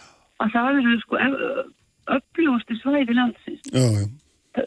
og, og hérna það að, þessi svæði sé að lamas að það náttúrulega hefur svo mikil áhrif á á hérna bara allt á, á, á alla Ítalíu. Mm. Svo þegar það fyrst byrjaði að loka sko þeir, þeir hérna á, á Norður Ítalíu þeir vildi bara sko loka sig af og þá flúðu 20.000 mann eða fólk sem býr á Norður Ítalíu eh, bara í skjóli næturinnar til, til Suður Ítalíu og fórum með meirina með sér Já, já. og það, það er sko helsingæsleikærfið, já, helbriðskerfi bara ekki, ekki stakk búið til þess að takast á við þetta. Er einhverja, er ekki þarna alltaf vantlega fjöldin allra kenningum um það af hverju þetta, hérna, akkur þetta er svona ótrúlega erfitt nákvæmlega á þessu svæði en, og miklu erfiðar en, en annar staðar. Já, það er alltaf alls konar tröllasögur sem, hérna, og samsæðiskenningar sem ganga ljósum lógum, sko. En það er svona upplýsingaflæði hefur verið frá fjölmjölum og frá sagt bara stopnunum og stjórnunni og hefur verið, hefur verið mjög gott, sko. Og það er svona aðeins hverja þetta niður. En af hverju, það er mjög góð spurning, af hverju verður þetta svona slæmt? Og það er nokkra tilgáttur og, og hérna, svo verður bara tíminn og, og gagna leiða í ljós, hvað er rétt? Það er kannski rétt að minna það að Ítalija er óskaplega gamall þjóðun svo gömur Já, einmitt. og það eru bara Japani sem er eldri en mig Mm. Og það hefur verið allir mikið fólksflótt úr landinu, svona kallir held ég á íslensku aðgerðisflótti, Já. yngri og ment, mentera fólk sko bara er það og þannig að það léttir ekki á sko og svo er einn tilgáta sem er aldrei merkileg er svo að samskipta minnstur kynnslóða á Ítalju er kannski öðruvísi heldur en til dæmis á í Norður-Európu. Það er miklu meiri samgangur kannski við, hva, ekki bara að við áum að passa á þetta venjulega. Og kannski eldri, eldra fólk býr kannski heima og hjá barnunum sínum. Eða þá öfugt að því það er mikið atvinnuleysi og, og, og erfileikar í efnæðslífunum að það búa Ítalið almennt miklu lengur heima. Og þannig að þar að meður eru fóröldarinn alveg miklu eldri. Mm. og þetta þykja mörgum sko daldi líklega skýring og svo er þriðja svo er líka það að það sem þetta er verst að þetta er, það er náttúrulega sko mest framþróun en það er líka mestur yðnaður og mest mengun og þetta er, þetta er sko landfæli er það pódalurinn, svona stórfljóti pó Já.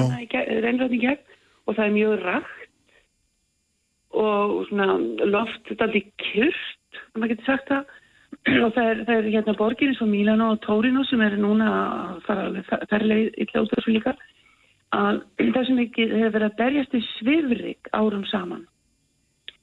Og þannig að ein, ein svona tilgáttan er svo að fólk sem býr á þessum svæðum að sko lungun eru kannski bara miklu veikari fyrir af sko alls konar ástæðum. Og þess vegna um, þess vegna leggst þetta svona þungt á fólk þar. En ég meina það, það er bara verið að koma í ljós. En svo er það sem er kannski alvarlegast er það að það er ekkit samkomulega um það hvernig á að telja. Nei. og þá, þá meina ég sko til dæmis að við að tala um það í gærkvölda í Þýskalandi þá er náttúrulega mörg smitt en mjög fái látnir. Mm. af því þeir telja bara þá sem látast af völdu veirunar hér eru allir taldir sem sko greinast með veiruna mm, við andlátt þetta eftir eftir dauða. Mm þannig að sko orð, þannig að það kannski hleypir daldi mikið upp númerunum. Svo til þess að gera, gera þetta ennþá floknara að þá fyrir, þess að tala um áðan þessi, spenn alltaf á milli söður og norður vegna þess að norður Ítalið hefur verið, það hefur mjög sterk svona pólitísku öfl sem vildi bara aðskilja og bara skipta landinu fyrir tveið og til að koma að koma á móts við þann þrýsting það var haldin hérna þjóðræðkvæðgæsla fyrir svona 20, eh, tæpum 20 árum. Og eftir það þá fengu hérðin mér er nú alltaf erfitt að, nota orði héræðum Mm, 12 já, miljónum einmitt, manna já. samfélag. En ég menna að þetta er ekki gert. Og þá fengu þau til sín svona miklu meira með völd og sjálfræði frá sko Ítalska ríkinu, frá Rómirinu höfuborginni og þar á meðal er heilsugjæsla þannig að þegar þetta kemur upp að þá er það ekki sko sérfræðingar smittsjúkduma stopnunarnar og allt þetta til taka málunum sína hendur heldur kannski bara bæjarstjórar og borgarstjórar minni borga Já. og sem kannski ha- höfðu ekki eh, ekki aðganga þeirri sérfræði þekkingu sem raun og veru þar og þá svona fór var það bara að loka borgum og það notu allir svona mismunandi aðferðafræði og, og þannig að það kannski hjálpaði til þetta fór alltaf múlið böndunum og það tók sko dálítið tíma að fyrir, hvað maður segja, ítalska ríkið að sko tá að, að, að- hafa kom, yfir á það kontról Mhm. á, á, á, á stöðunni sko að, að taka, taka fyrir, fram fyrir hendunar á, á, á svona local administration fyrir minn Um mitt nákvæmlega. En sko hérna við þurfum að fara hérna að slá botnin í dagnis þetta er allt saman því fróðlegasta náttúrulega sko uh, og, og þrátt fyrir alla þessar aðgerðir og þetta eru langhörðustu aðgerðirna sem að, hérna, umgetur í Evrópu þá náttúrulega er samt sem áður bara ekkert láta á á smitinu og, og döðsföllunum þannig að það er svona Sko, það þarf að svolítið aðgreina hérna Já. og nú er þetta ekki mitt svið. Það þarf að aðgreina sko, sko, að það verður að telja smitin og það er bara hver er prófaður? Og það er annars sem þið gerði í sumum borgum og þá voru bara allir prófaður sumum, sumum borgum voru bara þeir sem voru með einkenni. Og það er svo með góðan það er það voðalega erfitt að að nota þessar tölur, ég minna þetta er ábyggilega svona á, á, á morgum stöðu, kannski ekki á Íslandi sem er náttúrulega mun minna samfélag og og, og kannski einhvern veginn yfirvöld hafa haldið fastur á málunum. En svo er þetta, sko, fólk hættur áfram, þetta, þetta er bara hræðilegt, sko, þetta er bara hræðilegt. Og þá, sko, þegar fólk veikist, fólk er kannski einkennlaust, þetta er þetta sem er sagt hérna, mm. er einkennlaust og svo veikist það og svo veikist það, sko, kannski eftir viku eða tíu daga jafnveg þá veikist það snögglega og fer í andnau og þess vegna sko þarf það að komast í öndunavélar og, og allt þetta sem er að slíga slíga sko helsuklefi hér. Mm. en, en hérna þetta tekur svo langan tíma. Þannig að sko þetta þeir sem er að deyja núna það er fólk sem hefur smitast fyrir nokkru nokkur, nokkur, nokkur síðan sko. Og það, þetta er bara, bara að tala um þetta um helgina sko núna. Þegar að sjá hvernig þetta að þetta er eitthvað nýtt, það veit ekki hvernig það var að bregðast við þessu. Og þetta var náttúrulega mjög svona kannski vanmeti til þess að byrja með, en eins og þú varst að segja, þetta er sko alveg ótrúlega hörð höft sem á okkur uh, er, hafa verið sett og er verið harðari. Og það er sérstaklega svo sko, ennþá, ennþá harðari til dæmis í Piemonti og, og Langbarnandi. Og þar er fólk sko, er, er hérna fer út að ganga sko og alls ekki óþurfa en og eru meirinn tveir saman að þá getur hver hver einstaklingu fengi 5.000 efra sekt, það er sko 750 stílskæð þetta, þetta er eitthvað og svo náttúrulega líka sko hver, hversu lengi veistu þetta að byrja með þetta verður svona nokkra daga það er náttúrulega löngubólu okkur skólum og nú er bara að skóla verður ekki opnað til því september ef, ef, ef, þeir verður opnað eins og mm. segja sko. og það er ekki, hvernig er hægt að halda vestræðin samfélagi undir svona höftum sko mánuðum saman það er nú margir sem hafa ávikið að því sko hvernig hvernig það er eftir að ganga upp að því það var sko þetta er mikil óanægja í samfélaginu það er, þess að vera að segja sko það er gengur ítla þegar hagvöxt og dreigir rosalega hagvöxt það er mikið atvinnuleysi og, og, og ekki bara atvinnuleysi heldur bara mjög mikið sko það er lítið atvinnu öryggi Mm. þannig að sko fólk er náttúrulega bara afskaplega sætt um, já og bara oftast leið um Já. framtíðina ekki bara heilsuna heldur bara sko afkomuna Mm, já. en þeir, þeir er náttúrulega búin að lofa sko hérna bara Mario Draghi í Eurokrísinu 2011 þeir voru ánæði með hann sko. Já, það er hérna whatever it takes. Mhm. hvað, hvað, heyrðu Og- hérna, við skulum hérna, við verðum að láta þessu loki núna, Agnes, já, hérna, fínt. Og mjög gott og þarna frábært að fá þessa einsýn í hérna, þessa stöðu. Og þarna við fáum að vera í sambandi við þið aftur bara. Já, þegar lengra líður takk hérlega fyrir þetta. Hmm. hlust, hlustið á Ítali á Ítali farið vel með ykkur og verið heima. Já, takk fyrir það, takk fyrir þau ráð. Og hérna við höldum áfram með þetta eftir augnablik. Áskir Jónsson, Sælabankstjóri, sestur hérna hjá mér og hann ætla að spjalla með hann hérna framöndir háttegið. Sprengisandur. Á bylgjunni Agnesi Allansdóttur fyrir þetta símtal áhugaverða frá Ítalju sannarlega ekki glæsilegar aðstæður þar en við ætlum að hverfa hérna aftur heim því Áskir Jónsson, Sælabankstjóri, sestur hérna hérna hjá mér. Ætlum við að spjalla saman framöndir háttegið, sæl og blessaður Áskir velkomin. Ég þakka þér, blessaður. Blessaður sæl, sko hérna ég ætla að leita í, í þinn viskubrunn. Hversu, hversu hérna hversu alvarleg er þessi staða? Að maður, maður þarf ekki að leita lengi til þess að fólk, hérna, virtir hagfræðinga fara að tala um 2008 út um allan heim. Uh, 2011. september 2001 líka. Svona sem snögt áfall hvað, hva, hérna, ef ég varpaði þessu nú bara svona kurtislega þessar lill spurningu hvað, hvað, hvað er, hvað er hvern fjandan erum við að upplifa?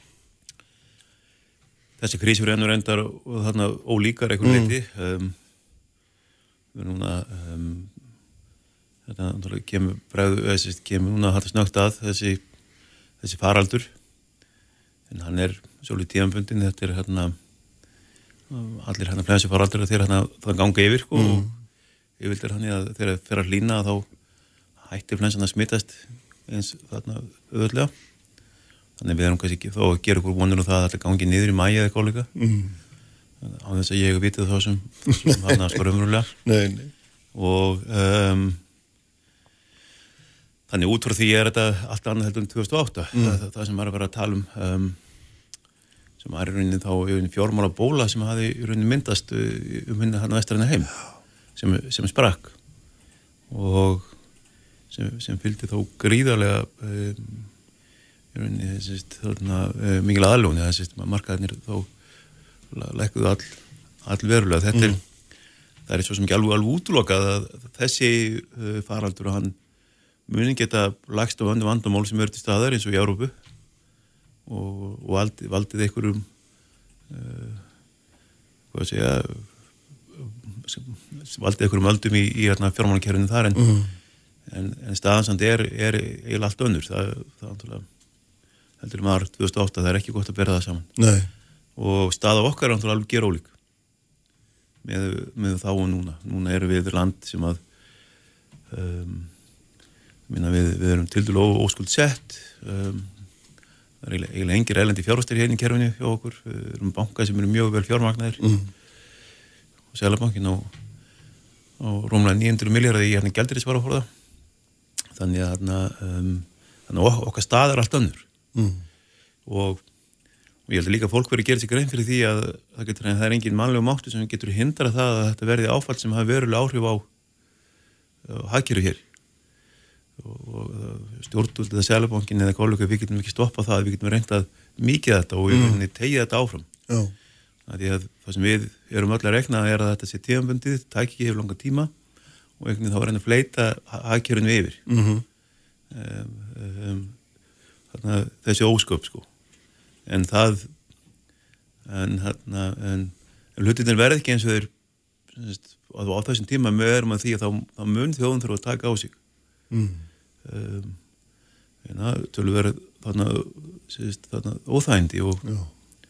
Og það er ekki tækt að verja uh, hann alveg frá því. Það er eiginlega, eiginlega alveg þarna, þarna ómögulegt og þarna en, þarna, en það sem ég er eftir og að vera að vera jákvæmt mér er eftir það að við, við séum í raunin að þarna standa saman í þessu og, og fáttu sem öllu vilt að íbúið gott, mér er sem sagt að eiginlega margir breytar sem upplöfu sérni í heimstöldina og, og þarna það lóttálásinar lóttálási þjóðveri á á London sem dæmi að þeir upplöfu þetta sem sjálfur sér tíma það sem þjóðum stóðu saman og og svona ákveðin svona samkend Já, já. En hérna, sko, ef maður, ef maður bara svona horfir á heiminn, þá getur maður bara nota orðið frost. Það er, það er eiginlega bara það sem er og það er ekki, það er ekki eiginlega frost, þetta er eiginlega alkvöld. Það er, það er bara allt stopp og þetta er, hérna, og maður velti fyrir sig bara, hversu lengi geta samfélag bara farið í, hérna, farið í þessa stöðu á hans að, hérna, það, svona innviðinni byrja að bresta hressilega. Já, ég held að við, það sé sem alveg vel, vel mögulegt en að um, og og um, það þýðir líka að fólk heldur að sér höndum núna meina, og meina, fólk er heimi á sér fyrir því að fer ekki út að borða eða ferðast ekki já. en það mun þá því að vantilega þegar að ástandið er búið og veikinn gengin yfir þá mun fólk vantilega hafa tölvöld þörð þess að þarna til þess að þarna láti eftir sér Mm. og saman við með, með fjármálmarkaðinu þeirra á lækka verulega en það sem til er líka fyrir það er gríðarlega miklu peningar þessu úti sem að býða á þarna, þarna hliðalinni Mm. og ég held að það sé ekkit annað sem bendið til þess að, að ef leiða farsáttin gengur yfir að við getum verið að sjá um, snögga efnaðas uppsjöflu í kjölfarið hlutinni lægist til til að fljótt aftur. Mm Byggjur það á já, á hverju grunninn það skiptir vantilega mjög miklu máli hvað þetta er, var í lengi til dæmis. Já, auðvitað gera það. En það sem er að gerast núna að fólk er að fresta sko neyslu. Já, fólk situr heima og er, ekki að gera þessum hlutið og gera hanalega, það er, það er að fresta neyslu það er að fresta og hlutum. Og, hana, og, og sem því, því það að það er bara að flytja neyslu á milli þarna tímanbila mm. Ég hef enga trú því að fólk hætti að ferðast nei, eftir þetta, ég held að bara, bara sérstaklega það sá, þeir hópa sem hafa verið að sækja Ísland heim sem eru svona efra og millistjætt fólk sem har peninga eða svona mm -hmm. sæmnilegna já, allavega. Já, um, Ísland er áfengið er alltaf dýrt og engin sól er engin masstúrismi ég held að, að, að, ég held að þetta fólk muni muni þarna um, ferðast sem aldrei fyrir á, á hann næsta ári, næsta vetri held ég já. En svona minnst þú tala með þetta eins og þetta sé svona ég veit ekki, getur maður að kalla þetta svona öfugt nei, eins og bara eins og vaff Já, það, það, þetta er kreppa sem fara eins og vaff og hún bara fara upp aftur maður hefur séð hérna en margir mjög efins um að þetta sé ég telja þetta verði miklu miklu hérna langvinnara það er alveg möguleiki og það fer eins og þú veist að tala um mm. varandi hvað, hvað þessu sterkir eru þarna, þarna innviðnir nú, nú reynir eitthvað leita á þarna hið þarna ofinbera mm. Að geta um, mjörunni um, haldið um, utanum þetta. Já, um, um, sko um, svona áföll geta valdið valdið í vandamálum í fjármálakerfi. Ég og mann eftir við lítum aftur í minna þarna jarðskjáltin í San Francisco sinni tíma, hvað 1906 eitthvað líka. Mm -hmm. hann lótlið svona smávís fjármála áfalli peninga fór að aðeins að streyma. Mm. Um, ég er samt ekki endala trúið, því að það gerist núna. En, en ég held að við verðum að sko aðeins að setja þetta í perspektíu það, það sem er alvarlegt við þessa veiki er það að fólk getur dáið. Um, en sem að þarna efnaðsáhald þá er eitthvað sem við getum vel þarna, þarna ráði við, Mm. tíðanbundið Mm. og, um, Ísland verður áfram að hann að ferðjónsturland og fólk mun áfram ferðast. Mm og og, og, og þarna, fólk sem, sem að, það sittur núna og núna það myndast gríðarlega mikið þarna spartnaður þegar fólk sittur þarna heimi á sér og gerir ekki neitt. Og, já, þarna, já, já, og sem að þarna, fólk þarf að veiða síðan og, Já. og, og þarna mun gera. Já, en sko þannig að, að þetta er aðalega sko veikin sjálf ætti ekki að hafa þannig áhrifin eins og er það, það bara spurning hvort það sé verið ykkur önnur kæðiverkun eins og inn í, í fjármálkerfi já, já, akkurat. Og, og það, að þú varst að tala um konu á þarna út í Ítalíu að Mm. Mm. Ítalíu var ekki það land var ekki mjög vel stætt sko. Nei, nei, á þannig lendi þessari veiki og þarna bara út frá sem mörgum öðru sjónum með þetta er svona land sem er mengan hafugust og st- stanað hagkerfi um, og mjög skuldugt. Já, það er eitt sko sem að, hérna, ég veit ekki, ef maður hefur einhvern tímann efast um að svona heims, að hagkerfi heimsins væri samofið, þá er alveg ljóst að veiran hefur leitt að afhjúpa það að það er svo sannarlega Já, mjög samofið og, það er náttúrulega líka skiptið mjög miklu máli til þessum endurist okkar sem byggjum allt okkar á utanringsviðskiptum í raun og veru all okkar velsheld á því að, að, þarna, að það er að hinir eða þau land sem við viljum skipta við að þau ná þessi líka rætt algjörlega. Sko ég held að, uh, að sko ég held að ég held eins og að uh, veiran uh, muni hafa uh, langtíma aflengur til eins og fyrirtæki muni núna ímyndi mér að setjast mjög vel yfir sér, hvaðan þau eru að fá uh, hluti til þess að setja saman bara þessu dæmi Mm. og, og ég held að veri mun meiri fókus á vantilega hvað, hvaðan fyrirtæki er er að kaupa vörur um, og eða sér og hérna eða mun fara, fara nær sér aftur Já, ég held ég. Já, þannig að þetta mun það hafa grundu allar breytingar í förmið sér ef að það, ef það vinst einhvern meginn ofan af þessum þessari alþjóðastar sem er aftur Já, ég held ég. Ég held að þetta muni, um, já, ég held að, ég held að um, það verði svona mörg fyrirtæki í Európa muni huga því að, uh, hérna, að um, mjög líklega að líta sér nær mm. og varandi svona aðfanga keðju eða, eða, eða eitthvað álíka. Um, ég held líka að um, ég meina að og, og, og líka það, ég meina, það, það hafi verið nú, nú, ég held að það sem var kannski vandi fyrst að ríkistjórnir og fólk var ekki að taka þetta alveglega Mm. Nei, nei. þessa veru, þannig ég held að, ég held að þetta verið hérna, skoðað aldrei upp á nýtt sko. Mm. Sko, hérna, langar þess að fara hérna, heim aftur að, að nú sáum við þessar og þú eins og ég auðvitað þessar efnarsráðstafanir ríkstjórnarinn gær og þar er, þar er ykkur ætla enn frekar hlutverkan því að hafið þegar tekið að ykkur því hafið ju verið að hérna, grípa til aðalega vakstalækana og losa um fyrir í bankakerfinu náttúrulega með öflugum hætti held ég mér svo að þetta segir ekki 350 miljardar sem losnaði um daginn þetta ansi, ansi hressilu upphæð. En núna ætlið þið að fara fjármagna ef ég skil þetta rétt fyrir höndur ríkistóðs eða það er gangi ábyrði fyrir, fyrir höndur ríkistóðs brúalán til fyrirtækja og þarna og fjármagna hallarekstur er vantilega líka með skuldabrjákaupum er það ekki? Þetta er selabankin allra verða allt um líkjandi Sko, við erum verður ekkert gefin eitt upp neðinni skuldabröðkaup en hins vegar hérna um, en blasir það ekki svolítið við ef að, ef að hérna, lausa fyrir þá ekki alltaf hverfa inn í ríkiskuldabrjáð þá er bankin að, fjármagna þetta eða hvað? það blæstum kannski ekki, ekki bylunins við en, þarna, en, en sko það sem líkur fyrir að, uh, að um, efnaðstilutnar fjallum það að það ég leita samlinga við selabankan að fjármagna í rauninni með ríkisábyrð uh, fjármagnin til bankana til þess að geta veitt uh, ný, uh, þessi bróðalán Já, og þetta hefur í raun og rauninu ekki verið útvært og það er bara mjög mikilvægt að það komum fram að við erum ekki að taka ábyrðið á þessum lánum. Uh, við erum í rauninu bara rauninni erum bara með þarna fjármagnina mm. og en það er ríkisjóður sem vantilega tekur. Ríkisjóður sem tekur ábyrðina Já. þetta er rauninni um, þó að Sælabanki sé í ríkisegu mm. Eða, eða í eigu allara þjóðurnar kýrsi kannski að kalla það Já, frekar frekar já. eða ríkið í okkur við erum banki allara þá er landsmanna bara kannski eitthvað annað sem eitthvað annar banki opna en en allavega við, erum við, erum, hann banki allara, allara landsmanna en, en við tökum ekki við, við, við lánum ekki nema án, án, án veða. Þannig að það er þó uh, ríkisjóðu sem er að, er að taka áttin af þessu láni. Mm.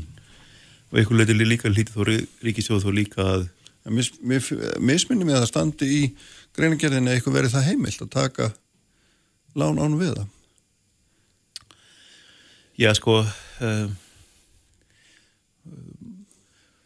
það er alltaf sp- spurningu var- sko varandi sko á, varandi þarna sko áferð mm. og eins og segi þetta er bara á, það á eftir að semja við mig sko Já. um, um þetta Já. Það er svo liðs, já Já, það er sem ég okkur hvernig það- verði en, um, en um, það sem að lega líkur allavega skýrt fyrir að við rí- ríkisjóðum mun veita ábyrð Mm. á, á þessu og, og, uh, og við munum þá bara fara yfir það hvernig það er gert við, og við getum þá heldur ekki tekið endilega ábyrð í hvernig spenningu verið varið nokkulega. Það verður þá saminverkinni með þannig bönkunum Mm. eins og þetta hugsa þá er, er bankarnir leggja fram þetta er þó 35 miljardar sem að sem að þarna ríkið leggur fram og, og bankarnir leggja 35 miljardar á móti. Já, bara þess að try- tryggja það að fyrirtæki fái fjár, fjármagn. Ég skil vel um, þann, þann sko tilgang sem að li- liggur hér að baki. Mm en eins og segja það þá alveg eftir að þannig semja við mig sko. Mm. um þetta. Já það er alveg merkilegt. Ég held að það væri búið eitthvað en að það væri, það væri ekki kynnt á þess að það væri búið að tala við ykkur Jú, jú, það, það var búið að tala, tala við okkur sko, en, en þá eftir að útfæra nákvæmlega hvernig, hvernig þetta er gert nákvæmlega, hvernig, hvernig lítur út. Þetta er, uh, hlutinni gerast þannig sko hratt sko. Já, einmitt. En við, við sjálfur sér alveg stiðjum markmið að stjórnvalda í þessu máli. Mm -hmm. telum að það sé mjög mikilvægt og þetta er sjálfur sér línu við það sem við höfum verið að gera. Okkar aðgerir ekki bara að lakka vexti heldur líka það að, að, að, að, setja þarna lausefja inn í þarna, þarna fjármálakerfið og, og líka gefa böngunum sigurum varandi einfjör hvaðir til þess að geta uh, endur skipulagt uh, uh, þessi, þessi einmitt. Og þannig að þetta er sjálfsvegar við, við þarna, skiljum vel sko tilgangin sko. En, en, en þá eftir að náttúrulega eins og ég, ég þá eftir að ganga frá fórhónum með sanningi við okkur þannig að ég þarna tjá mér mjög þarna valega um þetta. Já, akkurat. En sko, þegar að, hérna, þegar þú losar um þessar 60 miljardar þarna í eigin eigin fyrir sem að einhverju útlánu getur banka upp í 350 miljardar króna, Já, uh, þá veldur maður líka fyrir sér sko, hva, hvað er það sem að tryggir það að þetta fjármagn verði notað í þáu þjóðarinnar getur við sagt. Hver, hvaða mekanismar er í gangi til þess að tryggja þetta verði hérna, nýtt með þeim hætti sem að, sem að best er á þessum tímum? Ég, það, ég er alveg, alveg sammála þér, þetta er eitt af því sem við, höfum ágjörða. Það, það er óstæðan því, meðan ástæðan fyrir því að ég hef verið mjög áfram um það og, og talað hérna hátt um það ofinbelli að bankanin greiði ekki út arð. Mm. Og mér finnst bara algjört skilir því meðan við, með við höfum, með, með við höfum fælt þetta niður að það greiði ekki út arð. Og, um, og ég hef þeirra orð fyrir því, bankana, það hefur ekki gert og það var meðan ástæðan fyrir því að við ákvæmum að gera þetta ekki. Mm -hmm. um, bankarnir síðan sem fyrirtæki hljóta síðan að hugsa um, um langtíma hagsmunni uh, þetta eru þetta eru, eru sko viðstöfinni þeirra. Og, uh, um, og þau fyrirtæki sem eru raunverulega lífvænleg að þeir bankarnir hljóta á hagsmunni því að, að, að halda þeim áfram, halda þeim á lífi. En samt að hafa í huga sko þetta er ekki sósælísk aðgerð. Uh, það er ferðjónustan, það, það var mögulega var einhver, einhver ofjárastingi ferðjónustu mm -hmm. og mögulega voru ekkit öll fyrirtækin endilega reist á, á mjög tröstum grunni þessi fyrirtæki þau verða að vera sett í þrótt og þau verða að vera þannig hreinsið út mm -hmm. um, þetta er ekki sést, mjög, mjög eðlilegt að, að fara svo nú, núna er verið að ræðum aðgerir um, það að í rauninni að uh, hana þarna vaksta fristingu og fyrirtækjum og það er svolítið mjög gott. En, um, en þetta er ekki þetta er ekki þannig að all, öllum eru bjargað. Nei. og það verður eitthvað litur hlutur bankana að, og enginn getur gert um þeir að, að, að lífanlega fyrirtæki þau, þau haldi ára mm. og hérna svo það sé alveg hreinu við, við, við það, hérna, það, það verður eiga þessi staði líka sko hægræðinga ferðið það mun borga sér þegar, framlýður og að við fáum um, einhver hagræðingu í, í þessari grein og það er ekkit ólegt að það, að það gerist. En það er, það er náttúrulega miða við það núna að, að hérna, uh, þau fyrirtæki sem geti fengið til þessi brúalan, geti fengið þessar sérstöku fyrirgræslu, þau hafa orðið fyrir tekjufalli já. sem er hægt að reyka beinlýnist til, til veirunar eða afleðinga henni og þannig að það, það ætti að vera hérna, svona nokkuð skýrst en þetta eru þetta allt eins og allir vita sveianlegt hvenar er við leikandi byrja og hvaða nákvæmlega reykur þig sko ég skelli lás á endanum sko hvar, hvar byrjar hvað, hvar, hvar byrjar hvað og hvað endar hvenar sko. Það er, er, er mjög mikilvægt í þessu að, að sko að þetta á að vera áurinn að vera um, um, ríkistjóðin og bankarnir eru sko lagsmenn í þessu sko. Mm -hmm. bankarnir leggja helmingamóti, ríki helmingamóti þannig að bankarnir eru um tapsáttu því að við, við viljum ekki sjá það að þeir tæki vestur lánin sín og hendi þeim í faðminn á ríkinu það er eitthvað sem við viljum ekki sjá. Mm. um, þannig að þetta er rauninni þá reiknum við því að bankandi leggir fram sjálfur fram helmingum út í ríkinu. Já.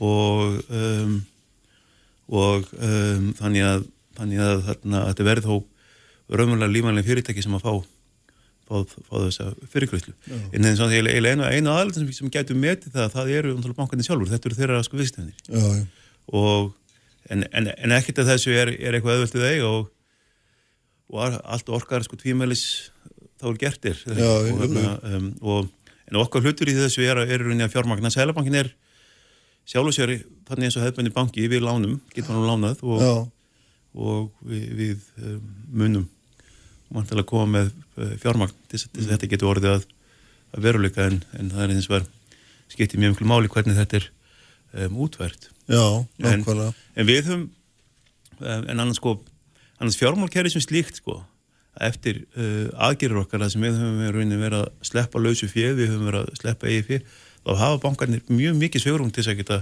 bröðist við mm. þetta eru uh, um, þetta eru mjög svona þarna sterkir bankar Já, en svegrum náttúrulega nýtist ekki nema fyrirtækin síðan þess verðu að taka á móti peningunum og það er það sem að þetta já, já.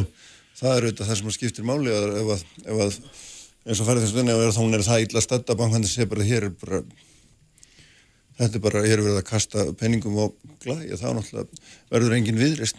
Nei, sko og það var náttúrulega alveg skelluritt fyrir ferðinsuna ef, ef hún missir þetta sömur mm, og þá, þá verður þetta veturinn og eftir uh, mjög langur orðað hannig já. og tilur uh, þarna að fjalla miklu litið um það hvernig þetta er að þarna fresta þannig að leyslum og og um, sem við hefðum mín álutið sjálf þjóður alveg rétt nálgun mm.